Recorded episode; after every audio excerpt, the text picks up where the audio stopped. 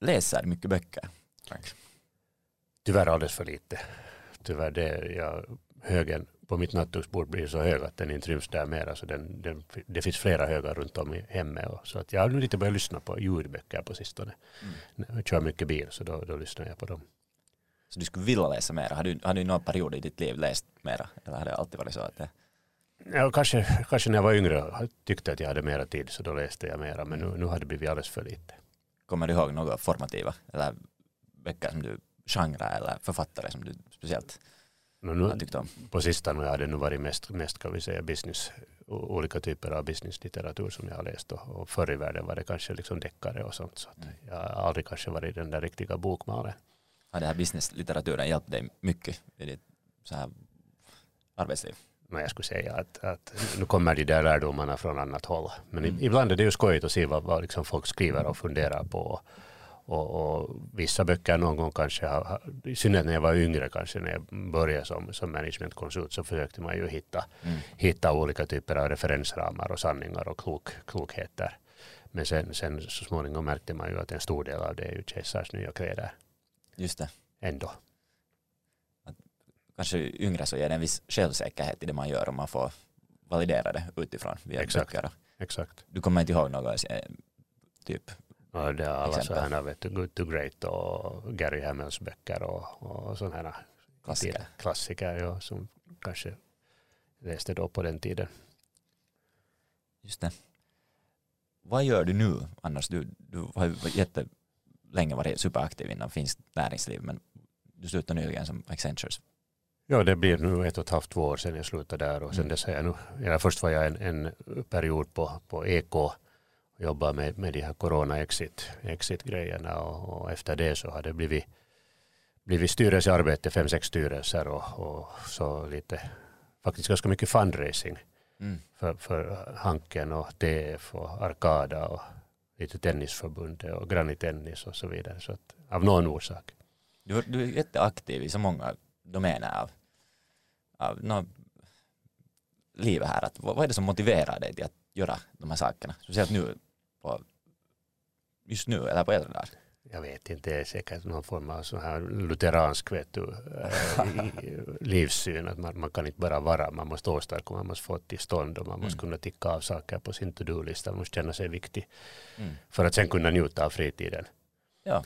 Det är liksom en, en, en, om man har haft en vecka då man tycker inte har gjort så mycket så känns inte fredag kväll så bra. Det ligger något i det, ja. en balans. Ja, sen framförallt liksom så, nu är det ju, ger det ju en viss tillfredsställelse om man får, får till stånd någonting. Ja. Och, och i synnerhet om det är något som är meningsfullt. Att det, det är ju det som på sätt och vis nu, nu driver mera än, än något annat. Att, att man liksom kan hjälpa till och, och kan bidra på, på, liksom, på ett annat sätt än tidigare. Just det, det, det är mening att göra men också att göra meningsfulla saker. Precis. Jag förstår. Jag förstår. Du, du har ändå liksom gjort mycket under en så lång period så jag funderar på din, dina tankar kring life-work balance och hur balansera det när det är ändå många som stöter på utmaningar där med burnouts och så här mentala sidan av det hela. Hur tänker du på det här hållbarheten kanske i, i livet?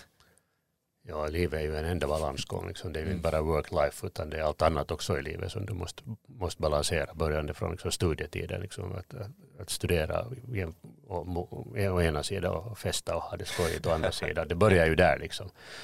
Och, och sen liksom genom hela livet och, och det där jag skulle säga att så länge, så länge du trivs med ditt jobb och du gör meningsfulla saker så känns det ju inte dumt. Och, och, och då, då, är det också ganska svårt att, att liksom dra en, en gräns mellan vad som är arbete och vad som är fritid.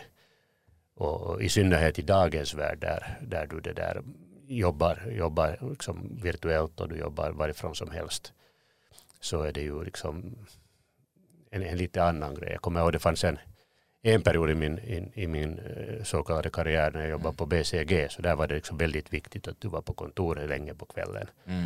Och, och, fast du inte hade någonting att göra så, så liksom, du kunde inte gå före klockan nio på kvällen för att du var liksom en loser. Du spelade fast flipper där hela kvällen. Det, var liksom, det hörde till. Men, men nu, nu måste man ju säga att, att liksom, arbetslivet har blivit mycket sundare. Mm. Att det, det, är liksom, det är resultaten som räknas, det är inte den där, de där timmarna du sätter på det där arbetet för att ingen, ingen kan ändå räkna de där timmarna när du kan jobba varifrån som helst. Mm.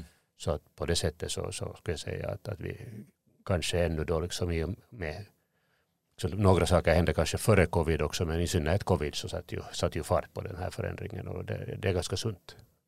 Jag tycker det är rätt att titta på resultat, inte på timmar. Ändå har jag vänner som håller på med investmentbanken eller vissa av de här BCG, McKinsey-stil, var de jobbar ett långa timmar bara för att, att tycker du att var det ändå en, hur såg du på den i din då så kallade karriär, den upplevelsen, var det värt det? Eller för de sysslar ännu med det i viss mån. Jo men det, det hör ju till där och liksom det, där tror jag nog att det liksom just inom ska vi säga den här typen av strategibutiker och investmentbanking så, så det är ju inte bara timmar utan det är också mycket jobb. Mm. Men det, det, värsta är ju det liksom om, om, om, du bara liksom vill få till stånd en massa timmar utan att, att sen liksom mm. i, i, på riktigt prestera. Men, men i de här, de här branscherna så, så det, där, det är ju väldigt intensivt och tidtabellerna är tajta och det är stora pengar och så då, då jobbar du nog också mycket. Mm. Så till unga människor där ute som funderar på att borde gå in i det här för det är ett stort åtagande tidsmässigt helt enkelt men är det som skola? Visst är det ju som skola jättebra och det där. Sen är det ju frågan om liksom att hur, hur, hur det där hur du gör det. Du kan ju liksom, du kan ju råka ut, du kan ju gå i väggen. Mm. Om, om du liksom känner att du inte är liksom on top of it. Mm. Men, men sen om, om du liksom trivs med det och, och, och, du liksom har läget under kontroll och tycker att det här är ju skojigt att jag mm. gör nu ännu den här grejen innan jag går hem eller innan jag går och lägger mig. Så, så det är ju en helt annan sak. Och, och det där då kan liksom, det är ju också otroligt belönande på, på många sätt, inte bara, inte bara finansiellt. Just det, att hitta det som man kan njuta av att göra. Det, det verkar vara som en nyckel till att så är det. göra bra. Så är det. Att då, man ändå hela tiden tävlar mot alla, så om man inte njuter av det man gör så är det svårt att göra det tillräckligt. Ja, ja sen ska man kanske inte se på det som en tävlan heller. Mm. Sant, det brukar jämföra sig. Det är inte alltid, alltid liksom, det, jag skulle säga att det som var det fina med, med Accenture och kulturen där var att, att där, där liksom jag kommer ihåg min första dag på, på, på jobbet där så sa min chef åt, åt mig att kom, kom ihåg Frank att de som är, liksom klarar sig på, på Accenture, de som gör bra karriär på Accenture, är de som ber om hjälp. Mm. Och ber du om hjälp så får du hjälp och det var väldigt liksom djupt inrotat i, i kulturen där. Vilket, vilket ledde till att, att det blev ganska lite av det här liksom armbågande och, mm. och, och, och liksom tävlande i olika, i olika det där situationer. Utan man jobbar nog som ett team och man jobbar ihop och hjälpte varandra. Det verkar jätteviktigt hur man kommunicerar det där i, inom en arbetsgrupp. Och hur, hur, din chef då sa en jättebra sak där, att, att nu var öppen med det här. Hur ser du på kanske inte helt, liksom, men det är delvis kommunikation. Om man vill åstadkomma förändring med en grupp människor, säg att det är ett företag, du har någon strategi, vision eller någonting, att du vill skapa den förändringen. Vad är då viktigt att ta i beaktande? Vad, vad, hur ser du på den processen? Det, det är kanske två saker. För det första så måste du själv vara någon form av rollmodell. Du ska, mm. du ska liksom inte, inte liksom komma och säga att gör som jag säger utan gör som jag gör. Mm. Du måste, måste visa exempel och du måste liksom leva upp till de där värderingarna. Och, och så. Det är det ena och det andra, andra är säkert det här med att, att du måste kommunicera och du måste, liksom känna, du måste känna dig som en papegoja. Först sen liksom när, när du tycker att det här har jag upprepat så 17 så många gånger att alla borde ha hört det liksom många gånger. Så sen, sen finns det en risk att det börjar liksom smälta in i, i kulturen. Och det var faktiskt det som jag gjorde, gjorde på Accenture för att vi hade varje måndag, första måndagen i månaden så hade vi, hade vi då en, en sån här nybörjargrupp. Folk som, som började antingen som folk som kom direkt från skolan eller som annars bara hade bytt jobb.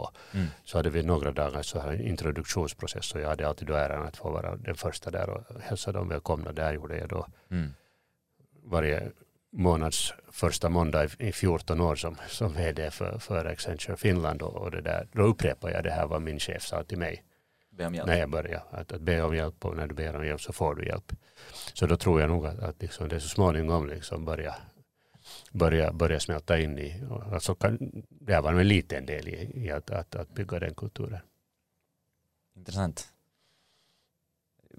På något sätt att be om hjälp, att du får göra det till en, ett, ett, ett tecken på styrka istället för ett tecken på svaghet. Så är det. För att lätt kan det bli så att om jag ber om hjälp så har jag misslyckats. Men om då vdn kommer och säger att nej, tvärtom, att det är en bra sak om du lyckas.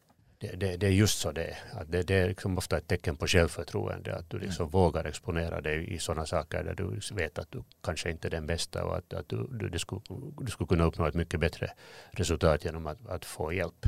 Yep. Och, och, och, det här är någonting som inte alla klarar av, helt tydligt. Det är på något sätt fascinerande. Det är ändå en, en liten förändring bara i mentala modellen. Att hur ser du på saken då att fråga om hjälp? Och det att lyckas kommunicera och lyckas skapa den förändringen så har en jättestor inverkan ja. down the road. Så vad ser du på att, att kommunicera saker som det här eller i största allmänhet kommunikation? Dels är upprepning. Men vad är det som, för det går ändå så ofta fel tycker jag när människor kommunicerar. Att vad är det som ofta sätter käppar i hjulen? För kommunikation då?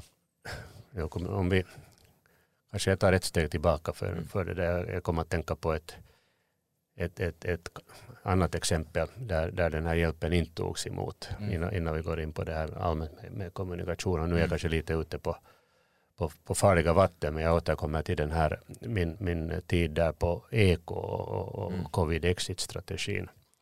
Så där använde vi äh, ganska mycket tid till att bygga upp ett förslag som gick ut på att, att skapa det här som, som det där president Niinistö kallar för nyrki men, men vi gjorde det på ett lite annat sätt. Utan vi, vi, vi föreslog då att, att man skulle bygga upp en, en, en, en liten, kanske faktiskt lite större styrgrupp för att, att hålla i hela den här coronaprocessen i Finland bestående då av olika myndigheter och regeringen förstås och näringslivet och det akademiska livet. Till och med fackföreningsrörelsen hade vi bjudit in och tänkte då att det skulle vara bra att vi har en sån här intim grupp som jobbar ihop och, och fattar alla beslut och kommunicerar tillsammans. Mm. Så att man inte hamnar i, i de här olika silorna som, som det där gör sitt eget jobb. För att när man har att göra med en kris så då måste man leda på ett annat sätt än i, i det liksom normala. Mm.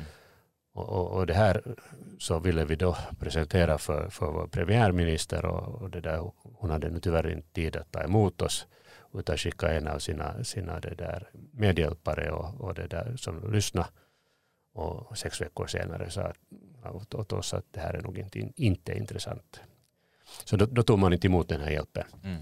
Och, och, det är ju uppenbart då att, att det där när man ser på vad som har hänt efteråt att, att vi hamnar till och med in i sådana situationer där, där de olika myndigheterna kom med olika typer av, av signaler till, till befolkningen. Liksom, en sa det ena och det andra sa det andra. Och det ledde ju till en, en, en riktig confusion. Och, och det där jag är alldeles säker på att det här vårt sätt att jobba skulle kunna, skulle kunna leda till bättre resultat. Det är nog bara ett exempel. Varför tror du att de inte tog emot det? Det måste man fråga dem. Det, jag vet inte. Jag vet om, om det var då den ena stunden med den här representanten eller medarbetaren, var det där liksom den fick inte rätt uppfattning om läget eller? Nej, jag tror nog att det är något mer djupt inrotat som har att göra med, med det där kanske det, det kanske börjar med, med, med Niinistös förslag att, att man då liksom sa nej till Niinistö så mm. tyckte man att det här då var någonting som, som var det där väldigt nära det eller det. Och, och, kanske det har lite att göra med, med, med, med det där vår premiärministers bakgrund och erfarenhet och sånt. Nu ska jag vara lite försiktig. Det kan vara, jag kan tänka mig att det är helt spekulativt då, att man ser att, att ta mera stakeholders in så blir det mera kockar soppan och det kan lätt leda till ännu mera problemen vad det, det leder till. Det är en positiv tolkning. kan det vara. Ja. Men, men, men så, så tror jag att det var vissa ideologiska saker också. Att jag tror att liksom näringslivet är inte, inte så viktigt för henne. Det är tråkigt. Det borde vara en, en central del av ja. allt vi sysslar med. Mm, om vi ändå går till den här kommunikationsbiten som jag tycker ja, är intressant. Nej, ingenting. Att den, det är en sak som vi gör hela tiden, kommunicera så här dag ut dag in, men lätt lite tanke tycker jag sätts på att hur lönar det sig att få igenom någonting. Redan det här att upprepa, så det, det kan man tänka som att varför ska jag, jag vill inte upprepa mig själv, jag slösar allas tid, men det kan vara nödvändigt mm. att upprepa. Är det no, några andra lärdomar där? No, en annan lärdom är det här, det här som har, göra, har att göra med liksom coaching. Att, att istället för att säga hur folk ska göra så kan man ju med hjälp av att ställa de rätta frågorna få folk till, till egen insikt om, mm. om, om vad som är, är rätt. För att det, folk tycker ju inte om att någon kommer och säger att gör så här, gör så här, gör så här. Mm. Vissa tycker nog om det, men det blir inte bra tycker jag. Ja. Om, ja, om man får raka lösningar så på något sätt. Den där egna insikten, ja, att hur sporrar den hos människor? För det är ja. den som är varande. Så är det ju. Och det gäller säkert liksom barns uppfostran också på samma sätt. Ja. Och I synnerhet tonåringar. Eh, Tycker du det finns likheter mellan vuxna då ändå och barn på något plan? Det är klart det finns, ja. Alltså vi är ändå, Ja, ja. trots att man är vuxen så är det ändå vissa liknande utmaningar, ego och så här Så är känslor. då. Ja, ja, ja. Men eh, om du tänker liksom vad som ofta kan gå fel när folk kommunicerar då i olika sammanhang, mycket stakeholders eller i, i grupper, vad, vad säger du, vad är, vad är det för misstag som ofta begås? Det att man inte lyssnar på motparten. Mm. Så det, det, det har jag sett så mycket, liksom, i synnerhet bland företagsledare som, Ja, som, som det där på något sätt upplever att deras uppgift är att, att liksom kommunicera och prata istället för att, att liksom också lyssna och, Mm. och, och sen liksom kunna på basen av vad de hör, hör sen liksom justera, justera sitt budskap. Och, och det har kanske lite att göra med liksom en ledares uppgift som är ganska långt ändå att absorbera osäkerhet. Och, åtminstone förr i världen så var man ju så att chefens uppgift är att, att absorbera osäkerhet och sen liksom visa med hela handen och berätta för organisationen att det här hållet ska vi alla marschera. ja, Och då, och då är det ju lättare om du på sätt och vis blockerar alla sådana signaler i din, din omvärld som inte passar in i, i, i din vision och i, i, i, liksom din tanke om vad som borde Mm. göras. Och du har bara bestämt dig för att så här, så här är det och så här gör vi och, och, och cut the crap. mm. Lyssna på mig, vi kör. lite den här gamla, gamla stilen. Nå, lite gamla stilen och det är ju som, som någon liksom sa att, att liksom folk råkar, jag ska säga företag råkar inte i problem på grund av att de skulle göra fel saker utan ofta råkar de i problem för att de, skulle göra, för att de gör eh, rätt saker för länge. Mm. För att världen förändras runt dem. Just det. Du hittar något som funkar, då vill man inte byta. Ja, Det är jättebra poäng att lyssna. Är det något annat du säger som lägger käppar i hjulen ofta när, i samarbete, kommunikation? och nu är det säkert också vissa liksom så här kulturskillnader. Om man jobbar i en internationell miljö Mm. så det där har vi ju sett liksom att vi som kommer från Finland och är kanske lite tillbakadragna i sådana här liksom stora internationella sammanhang så vi, så vi liksom säger först på planen på vägen hem sen att fan vad han var dum. Han, liksom, så har vi suttit tyst där på, på möte. Ja. Och, och, och sen kan det finnas sydeuropeer som, som tycker om att prata och om inte de har någonting annat att säga så upprepar de vad föregående har sagt och viftar med händerna. Och, Mm. och vi tycker att vi vet, vet liksom hur det ska göras men vi kanske inte kommer ut med det. Mm. Bara som ett exempel. Det är en intressant fråga som finländare då, att vad har vi att, som, vi har ju vårt kulturella bagage med oss hela tiden, att vad, varför har vi att då i en mångkulturell miljö, vad kan vi vara bättre på, eller vad, vad, vad, är våra liksom luckor? Vad vi är bättre på är säkert just det här med att, att vi liksom är, är, är- det där ganska straight forward och, och, och, och liksom pålitliga och ärliga. Mm. och, och in, inte så mycket, mycket BS. Och, det, där, det som vi säkert borde vara bättre på att, att vi, vi liksom, och, och där sker det ju en, en stor förändring. Den, liksom, din generation är liksom tusen gånger bättre än min generation i, Mm. i, i, i det där internationella sammanhanget. Att kunna, liksom, Förhoppningsvis. Inte. kunna, kunna liksom, ha det där självförtroende och stå upp och, och liksom, komma med sina tankar. Mm. Och, och, och liksom det, säkert har det att göra just med, med liksom att, att eh, språkkunskaperna är på en annan nivå idag än vad de har varit förr och sen liksom hela, hela den här liksom internationella globala exponeringen Mm. som, som det där eh, är liksom på ett helt annat sätt inbyggd i, i, i dagens unga och barn. Just det. Ja, då är det lättare att relatera till en global miljö om du har helt vuxit upp med internet och Ja. engelska. Naturligt så. Ja, Intressant. Om du tänker tillbaka på olika poster du har haft, allt från TF till nuvarande Mm. arbets... Ser du någon period som var e- extra lärorik eller intressant här i efterhand? Men ska vi säga att det, det är de där största lärdomarna och den största utvecklingen sker ju under de första åren liksom i, i arbetslivet. Ja. Att nu är det ju då man formas ganska långt. Och, och, och, och, det där, därför är det ganska viktigt också liksom vilken typ av, av, av jobb man, man väljer som det första jobbet och framförallt vilken typ av företag, vilken typ av värderingar man blir exponerad för, vilken typ av chef man har. Ja. Att, att, att det, det, det, det har en otrolig, otrolig betydelse.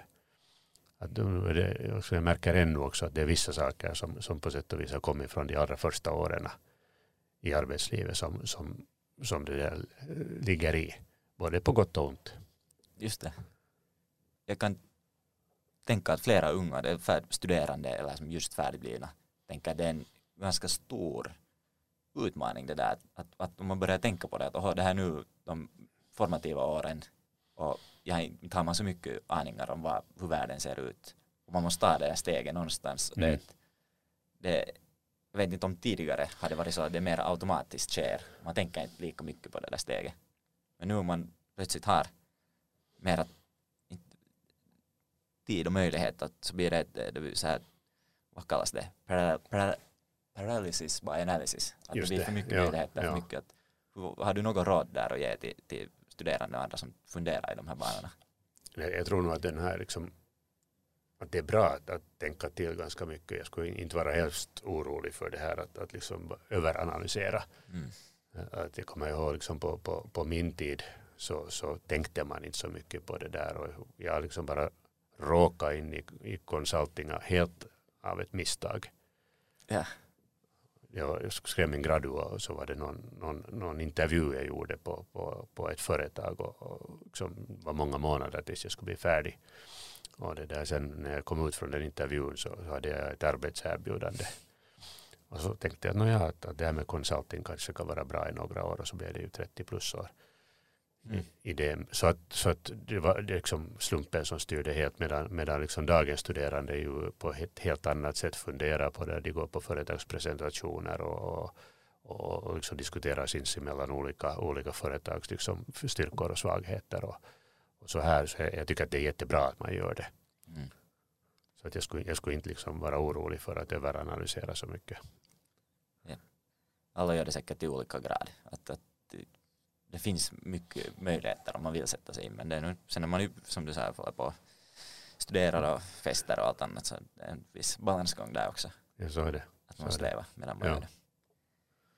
Inte, på tal nu om de här lärdomarna så är det någonting som du upplever att du har lärt dig sent eller relativt sent i livet som du önskar att du skulle ha lärt dig under tidigare? Säkert massor av grejer som jag ännu inte har lärt mig. Mm. Jag skulle säga att det är liksom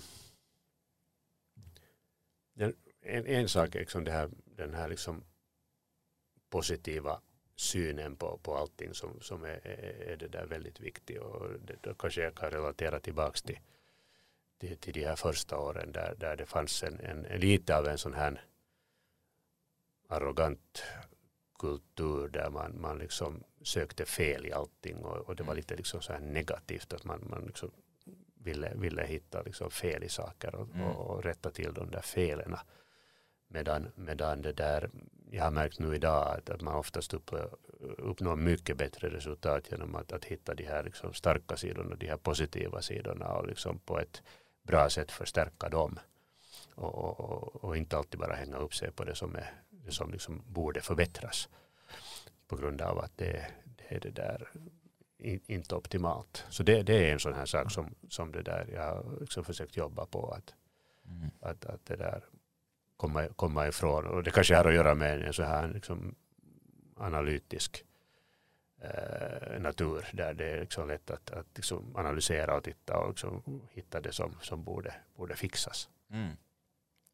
Det är intressant att du säger att du tycker att det leder ändå till bättre resultat. Att det är inte bara för ens sinnesro och så här positiv Nej, det, det, finns akademiska studier som bevisar det här. Liksom att, att, att, det, att du liksom tar en, en styrka och förstärker den så det, det liksom är mycket bättre input-output ratio i, i, om du gör det så. Varför tror du att det här är fallet? Ja, men det, det, det, finns säkert en orsak varför, varför någonting inte liksom är bra.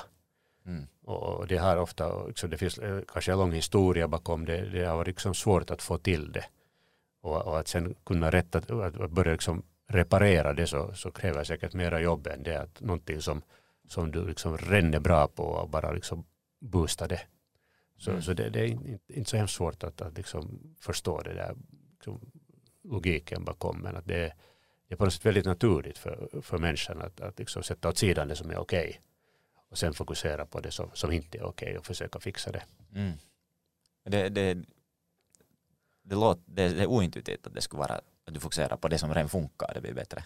Ja. Därför är det en bra lärdom det där. Det, ja. det är inte något som man direkt stöter på. Och det, och det, tror jag det gäller liksom inte bara i business eller i affärslivet utan också liksom, ja, allt tänkbart. Liksom. Det kan vara liksom, om du har en bra, bra forehand i tennis så jobba på den och, och strunta i att den backhanden är inte så stark. Ja, ja. någon balans säkert där också. Min, ja, det är säkert, ja. Själv var det rätt för mig i tennis att jag bara slår forehand sen så mycket som möjligt. Ja. Backhanden. Men nu har det funkat.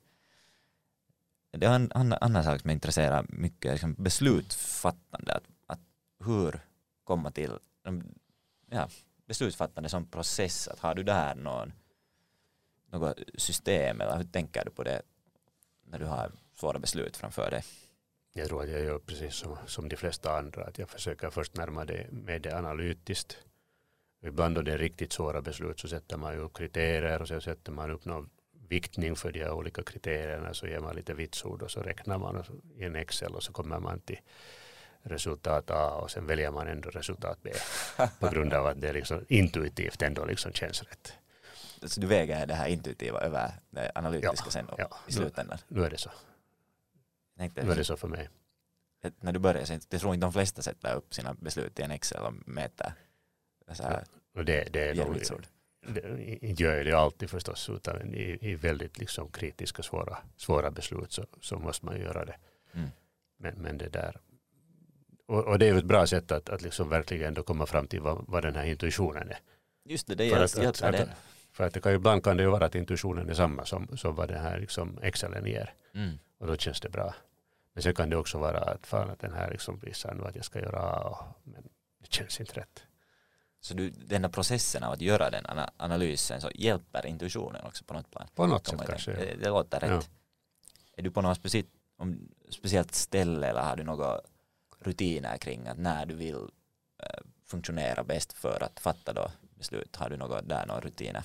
Nej, inte egentligen. Det är nog, om det är stora svåra beslut så är det ju någonting sånt som, som man, man malar i sitt bakhuvud liksom mer eller mindre kontinuerligt. Ja, så är det väl. Just det. Har du, har du andra uh, några rutiner eller sätt att, att vissa sagt att, att, att, möta sina tankar och få ta liksom plats för sig själv och, och fundera eller du, gör du det så här kontinuerligt som du beskrev? Det som man i alla fall ska undvika är om man råkar vakna liksom klockan fyra på morgonen av något, någonting. Då ska man inte börja fundera på dem. Mm. det, det, det, har jag märkt att då, då, blir, då blir liksom små saker stora och lätta saker svåra. Och, och det där, i något skede så, så det där, då när jag reste mycket så tyckte jag att jag fungerade bäst liksom uppe i, i, i ett flygplan mm. av någon orsak. Mm. Där är en isolering. Ja, i, i synnerhet då innan, innan internet kom, kom med i, i flygvärlden. Och man, var liksom, man var isolerad, man, det fanns inte så mycket annat man kunde göra. Mm. Så då, då, då kunde det vara ganska bra att sitta där och fundera för sig själv. Du har inte försökt replikera det här på något sätt, att gå långa promenader eller vara utan telefonen, meditera eller något i den stilen? Och det är klart att ibland är just långa promenader är bra. Att, att, att, gå ut och, och, det är något som jag tycker att man borde praktisera mycket mer också, liksom istället för att sitta i något unket litet konferensrum, en och en till exempel, att gå på en promenad ja. och, och, diskutera. I synnerhet om, om inte det är någonting väldigt, som kräver någon Excel-fil framför en eller något annat liknande. Definitivt. Och att gå ut och springa är också ett bra sätt att, att, mm. att få liksom saker att på något sätt falla på plats i, i huvudet. Har du tränat mycket så fysiskt?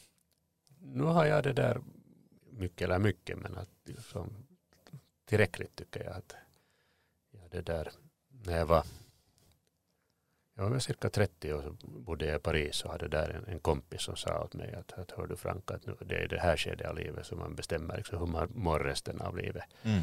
Nu, ska, nu ska vi börja träna minst tre gånger i veckan. Ja. Och det gjorde vi. Och sen när jag fyllde 40 så blev det fyra gånger i veckan och, och, nu är det då liksom sju gånger i veckan som är målsättningen och det, det gör jag. Det liksom följer jag upp. You, you get what you measure. Jättebra. Så att jag har en sån här, sån här där liten, eh, jag får bok över, över vad jag gör och så följer jag upp om jag ligger före eller efter, i, efter budgeten så att säga. Det är lite löjligt men att det, det fungerar för mig. Det är det viktiga. Vad gjorde du i Paris när du var då 30? Det var, det var då under min, på mitt första jobb, så SIAR som, som då var ett, ett där, eh, skandinaviskt strategikonsultingbolag som, som det där blev uppköpt av ett franskt bolag som, som hette Bossar. Mm. Så blev vi SIAR Bossar och, och jag, var, jag var då liksom någon form av integrationsperson, officer där i, i, i Paris under de första åren av, av den här fusionen. Hade du då familj eller vänner med dit Paris eller får du ensam? Min, min hustru var med då. Mm. Så vi, var, vi hade inga barn då på den tiden. Just det. Det här näringslivet i Finland eller också globalt nu, ser du några intressanta trender eller branscher, startups, företag som håller på med, tycker du, eh, rätt saker i, i så här dagens miljö? Nu finns det ju en, en, en massa, massa det där startups nu som, som håller på att jobba med, med liksom disruption i, med hjälp av, av digitala eh, verktyg. Det är ju uppenbart att, att många, många processer kommer att, eller många branscher kommer att förändras helt eh, med, med hjälp av, av den teknik som finns, finns tillgänglig idag. Att det är ju mm. liksom, jag är själv med i ett i en startup som heter Boeing. Vi jobbar med, med rekrytering. Vi har byggt en rekryteringsplattform som då gör smart matching mellan arbetssökande och, och, och arbetsgivare. Mm. Så det, där tycker vi ju att, att, att eh, liksom, på samma sätt som, som man förr då åkte till, till en, en, en videouthyrningsbutik och hyrde en videokassett och körde man hem och satte den i sin, sin där VHS-spelare och så tittade man på den och så följande dag kör man tillbaka. Kanske man glömmer bort det och betalar lite extra när man för det tillbaka en dag för senat. Idag trycker du på, på Netflix heter det, på, på din telefon eller, mm. eller din, din, din padda. Så på samma sätt tycker vi att liksom rekrytering det är att du liksom sätter en annons antingen i en tidning eller i en monster och så, så sitter någon i andra änden och tittar på de där annonserna och, och skriver en ansökan och, skickar den till dig och så går du igenom de där ansökningarna och så, mm. och så vidare. Så istället så, så det där tycker vi att, att det här att, att liksom du bara sätter in din profil igen på en, på en plattform och så går arbetssökanden in och skannar liksom att hittar vi någon här som, som har rätt profil och dessutom har vi har vi då en, ett, ett koncept som baserar sig på anonyma profiler så du behöver inte sätta ditt namn. Mm.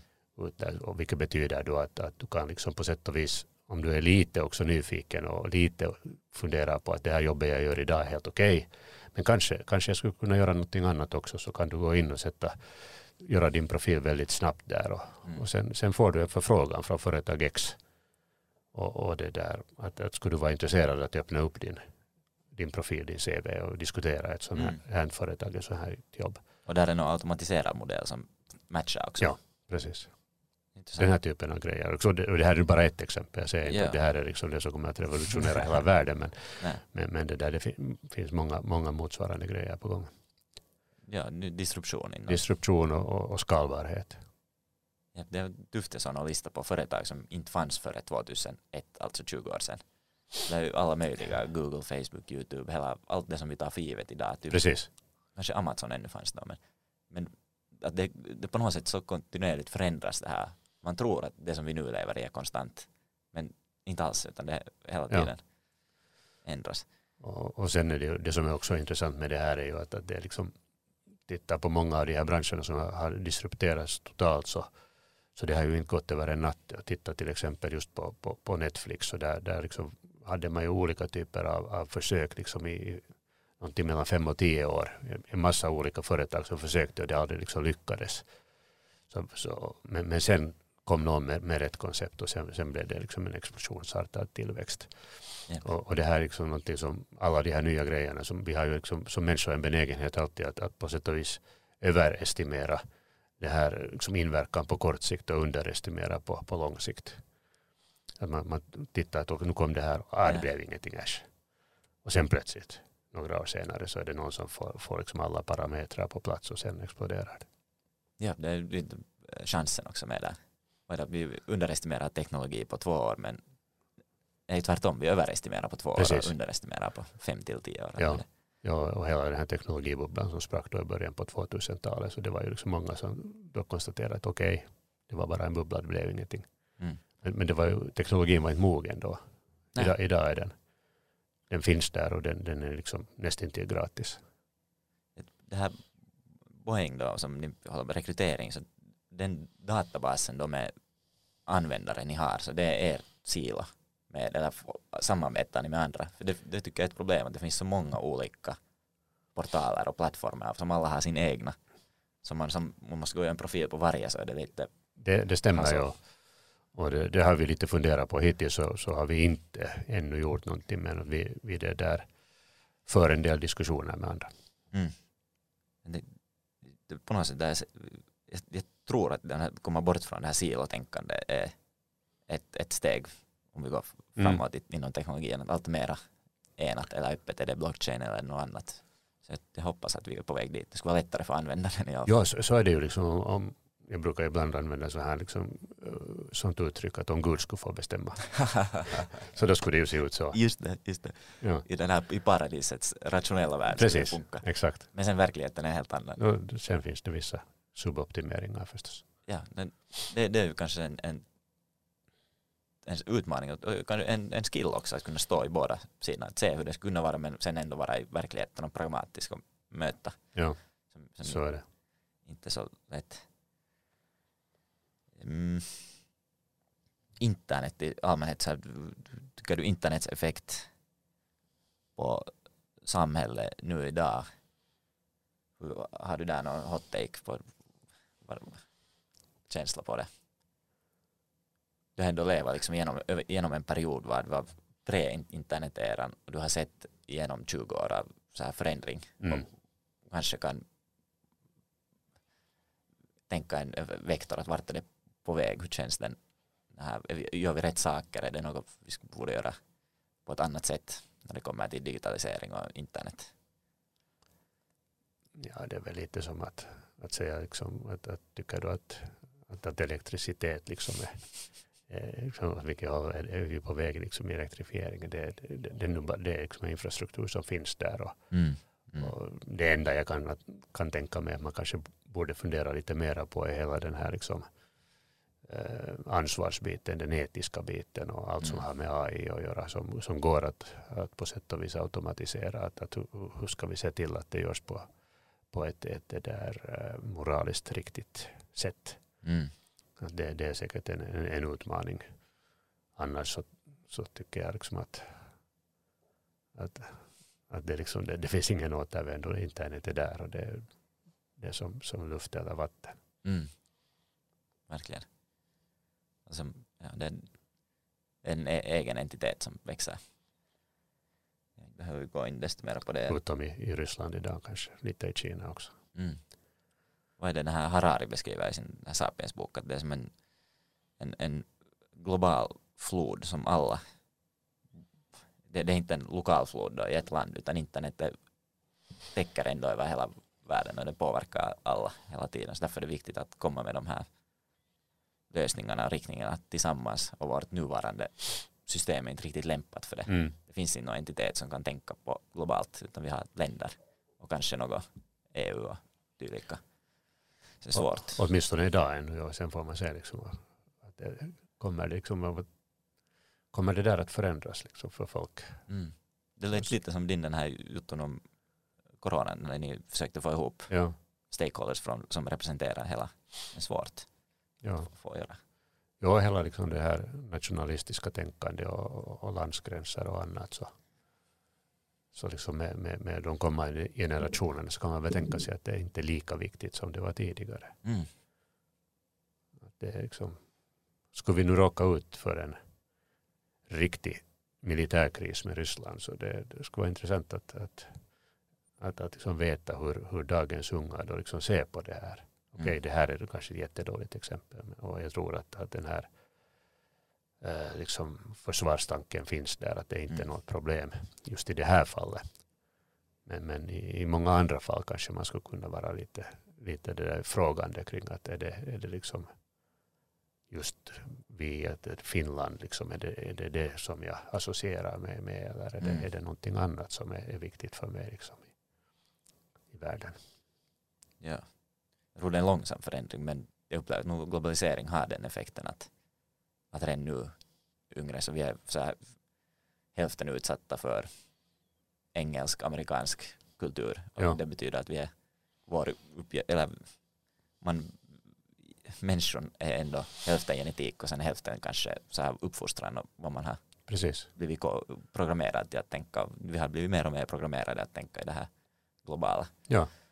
Eller in, säkert ändå vi lutar mera till Finland och nationalistiska men lite hela tiden. Jag tror att, Vär- Världen är så öppen liksom, jämfört med, med den barndom där jag vux, växte upp. När, liksom, det, det var väl Larry Pounce som steg på bussen i, i, i Kotka, liksom, den första ja, mörkhyade personen i, i, i, Kotka Karhula. Det var liksom, ing, hela bussresan sa ingen någonting.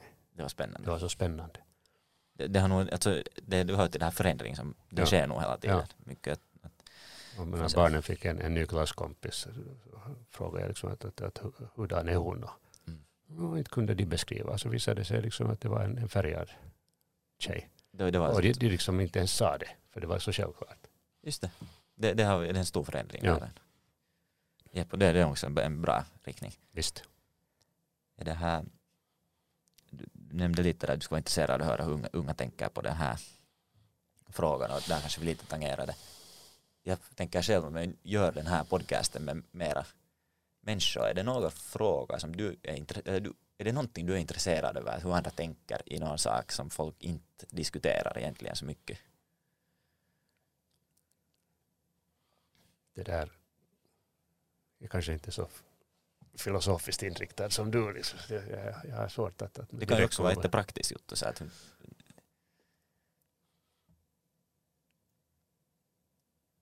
Jag vet inte. Liksom. En, en tanke som jag vet inte om, om den är relevant här som, som slår mig nu här är hela det här liksom less is more-tänkande mm, och hur, hur, hur den biten håller på att förändras mellan olika generationer. Liksom att hur, hur kraftig är den idag? Liksom hur mycket tänker din generation just på, på liksom miljön och sustainability och, ja. och, och, och det där som det att hur man konsumerar och, och, och vad man gör och hur man reser och Mm. allt sånt här är ju en, en, en sak som säkert, säkert det där där vi har sett bara början av en kraftig utveckling nu.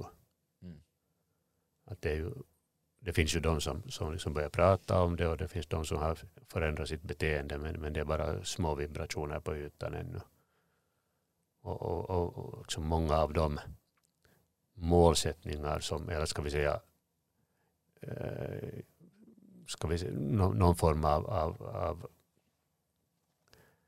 visioner som, som min generation hade kanske när man, man blev färdig och började jobba så hade det att göra just med det här materiella. Mm, mm. Att det är liksom viktigt att, att du har liksom en, en, en, en, en fin stor bostad och du har din bil och du kanske har din sommarstuga. Och liksom det var någon form av sån här efterkrigstida Mm. Äh, grej som du hade ärvt av dina föräldrar och, och att det var liksom du, du på något sätt mättes din framgång mättes i det här materiella. Mm. Och det där, sen, sen kanske det är en generation här emellan som, som tänker på ett annat sätt att det inte är så viktigt och, och man liksom tycker att, att, att det där som andra saker är viktigare. Men, men sen kommer man till liksom fas 3 där, Mm. där man liksom, det är 180 grader. Det att, att ju, ju mindre desto bättre. Mm. Jag vet inte, är det någonting som du, du har sett liksom bland, bland dina jämnåriga? En hel del nog tycker jag. Det där pendulet slår av en varierande nog. Nu, nu när jag tänker på min kompiskrets så har flera som är den här jätte, det är vegan och det är grönt och det ska vara hållbart och vi ska inte flyga. Samtidigt så finns det ännu de här ambitiösa, liksom, nu ska vi köra jet, jetset för fullt och, Ja. materiella ännu. Att någon balansgång där tror jag att det, att det har nu, om det slår kanske för mycket över då för er generation så, och så slår det för mycket åt andra hållet för nästa så kanske vi nu är någonstans i mitten. Du tror det? Jag tycker nog att det, det är så mycket status ändå och vi är så benägna till att söka status och det är kopplat till delvis hur du, så här, Mm. vad du har möjlighet att göra.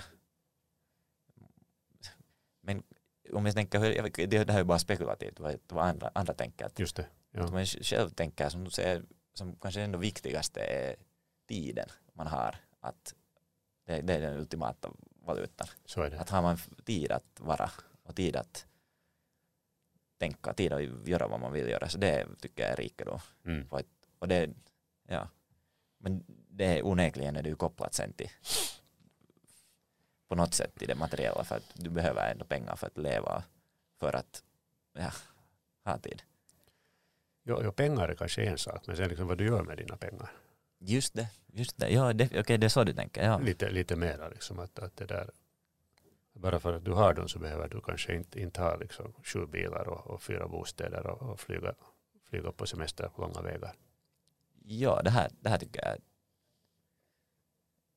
i Finland i alla fall, vi, inte ska man för, för allt för mycket liksom visa hur, hur bra det går. Och, ja, Ja. jag, jag skulle säga att det är på väg till ett positivt, Ja, en positiv riktning. ja, I Finland har det kanske också varit, haft lite att göra med det här liksom att det inte det är inte okej att visa. Mm. Att är, du, är du det där idrottsman så då är det okej. Just det. Då är det helt okej liksom att Selene kör Ferrari och, och Räikkönen och andra. Men, men om du har liksom varit framgångsrik i affärslivet så då ska du inte visa det. Kanske intressant. Men, men det där, det, det är en annan grej. Men att, liksom, jag tror bara att det här med less is more kommer att, att, att komma ganska kraftigt.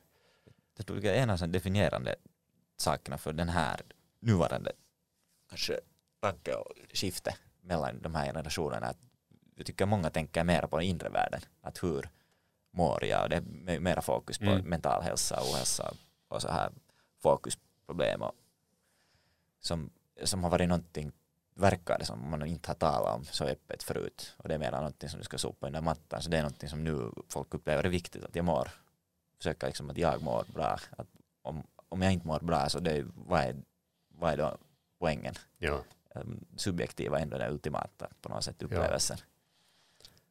det, det är helt sant och det, det, där är, det är ju också en balansgång liksom för att det, det är ju klart att, att liksom om vi jag tror att alla människor om, om, om vi går igenom vårt liv Mm. så har vi haft svåra perioder, vi har haft lätta perioder och, och sen är frågan om liksom att hur reagerar när du hamnar in i en svår period. Ja. Att är du som lyfter upp handen och säger att jag är deprimerad, jag kan inte göra någonting och, och så, så det där går du till läkaren och får några mediciner och det är väldigt synd om dig. Mm. Eller, eller liksom biter du upp tänderna och kämpar på. Och, och, och, och var drar man den där gränsen? Liksom? För att jag, jag tycker att, att liksom jag kanske lite hör till de som tycker att det ibland daltas lite för mycket. Mm. Mm. Och, och, och det där samtidigt så, så kan det ju vara att i, i vissa situationer så, så är det väldigt bra att man tar i sånt här direkt. Och, och, och, och i och med att det är ett, ett sånt område som, som är kanske svårt att, att, att greppa vad som är vad så, så är det ju väldigt svårt för en lekman också att säga att, att, att liksom, jag vet att ska man säga att shut up och Mm. gör ditt jobb Mm. eller, eller snabbt iväg till, en, till någon som kan hjälpa dig. Japp. Det kan ju vara jättelärorikt att ha de här tung, tyngre perioderna. Att de, de ofta har med, för med sig någon lärdom kanske. Att någonting nu borde, borde tänka på och fundera på. What doesn't kill you makes you stronger säger man. Liksom, ja. Ja, det, det finns en viss styrka där.